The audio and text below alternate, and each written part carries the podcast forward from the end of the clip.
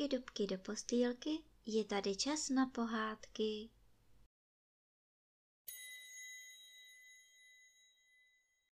Dnes vám budu vyprávět pohádku, jak Martínek sluníčko hlídal.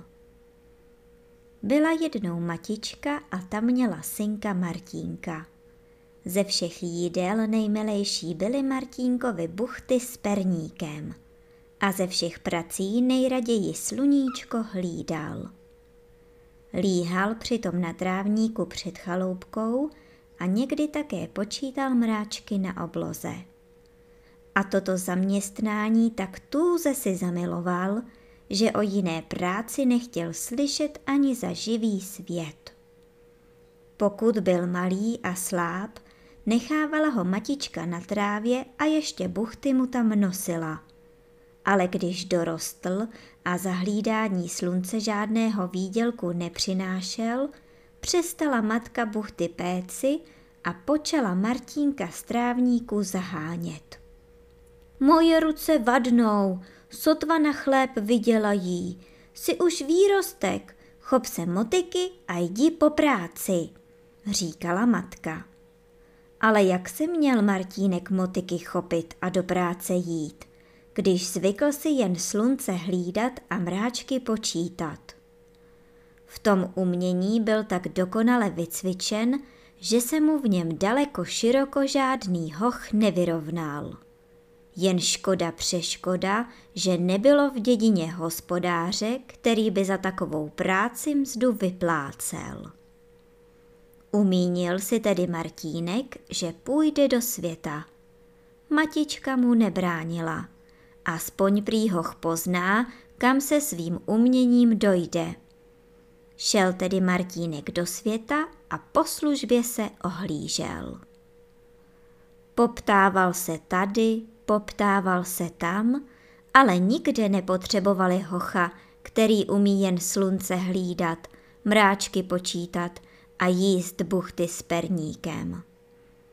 Za starostmi o službu přišly brzy starosti o potravu. Dosud nevydělal si Martínek ani na skývu chleba. Šel tedy do boru na borůvky, jahody a maliny. A jak tady jahody pojídá, jde okolo hospodář jakýsi a ptá se. Kam jdeš, hochu? Službu hledám, pane, řekl Martínek a hned se nabízel. Nechtěl byste mě vzít k sobě? I chtěl, odpovídá hospodář. Co budu u vás dělat? Martínek na to. Co budeš chtít? řekl hospodář. A jak se budu mít? ptal se Martínek. Jak budeš chtít? odvětil hospodář. To bude něco pro Martínka. Bude zase jako doma slunce hlídat a k obědu si dá předkládat buchty s perníkem. Šel tedy s hospodářem a ten ho poslal se svými ženci na pole. Byli právě žně, ženci chopili se hned práce. Tady kosili pšenku, tam vázali žito a jinde nakládali snopy.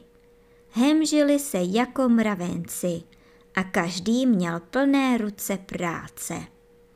Jen Martínek stojí a po poli se rozhlíží. Smí si vybrat práci jakoukoliv. Našel si tedy mes, položil se na znak a do oblak se díval. Martínku, dojdi provodu ke studánce, volá kdo si. Nemohu, musím hlídat slunce, odpovídá chlapec. Martínku, pojď prostírat povřísla, po chvíli zase někdo. Ale vždyť já slunce hlídám, nevrle řekl hoch, jako by se hněval, že ho vyrušují z důležité práce. Ženci nechali tedy Martínka slunce hlídat, sami si pro vodu došli i povřísla prostírali. O polednách vraceli se k domovu. Také Martínek vstal a pospíchal k obědu. Martínku, Martínku, slunečko ti uteče. Smáli se ženci.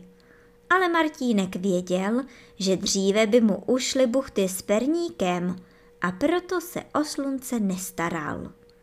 Pospíchal z dělníky do dvora a první byl u stolu. Hospodyně přinesla mísu polévky a buchty s perníkem. Martínek si zaluskal prsty a již sahal po nejbližší buchtě. Ale hospodář byl jakýsi podivín. Počkej, řekl přísně Martínkovi. Potom jednomu ženci po druhém prohlížel dlaně a každému pak řekl Yes! Ale když Martínek ukázal své hebounké ručky, zavrtěl hospodář hlavou a pravil. Nesmíš jíst, utíkej na mes a hlídej slunéčko, aby se nám nestratilo. Chtěj nechtěj musel Martínek jít hladový do polí. Cestou si myslel, proč se asi jeho ruce nelíbily hospodáři. Byli jako z hedvábí a poskvrny na nich nebylo.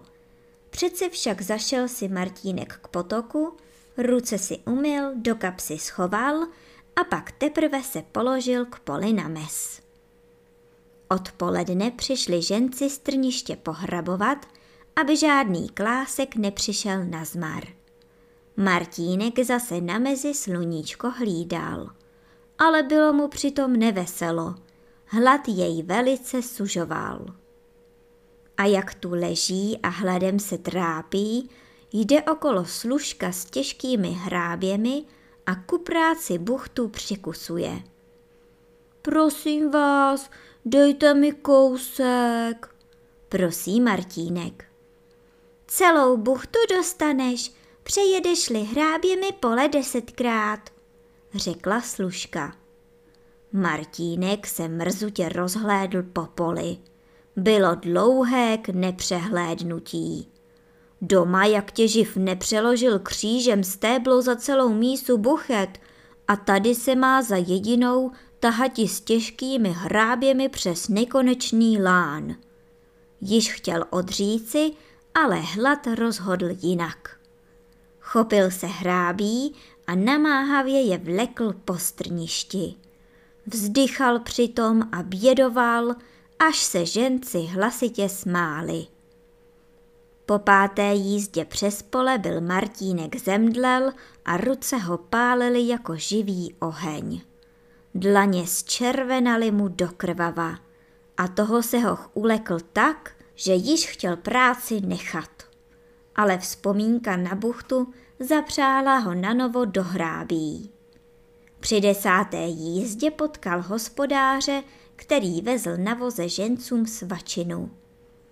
Martínku, až dohrabeš ke konci, přijď ke svačině, usmíval se hospodář. Chlapec dohrabal pole a smutně se zadíval na ubohé ruce. Od neobvyklého namáhání mu naběhly a na pravé dlani mu naskočil puchýř jako čočka. Ach já nešťastný, měl jsem ručky jako z bavlnky a nedostal jsem nic. Jakž by se zalíbili hospodáři zohavené dlaně? Bědoval hoch. Hospodář před svačinou zase prohlížel žencům dlaně a každému řekl Yes! A když došlo na Martínka, třásl se strachem, že špatně pochodí. Ale mýlil se. Hospodář řekl Takové dlaně jsou ti ke cti, poznávám z nich, že jsi pracoval. A kdo pracuje, je hoden mzdy. Sedni k míse a yes. Pak namazali Martínkovi krajíc chleba tvarohem a když ho snědl, dostal od služky slíbenou buchtu návdavkem.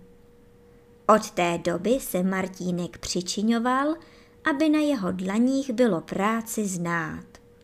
A když se naučil pracovat, vrátil se ke staré matičce a pomáhal jí vydělávat na živobytí. Buchty s perníkem Martínkovi ještě lépe chutnají a to tím, že si umí na ně vydělat. Ale sluníčko již nehlídá a ku podivu z nebíčka se dodnes nestratilo.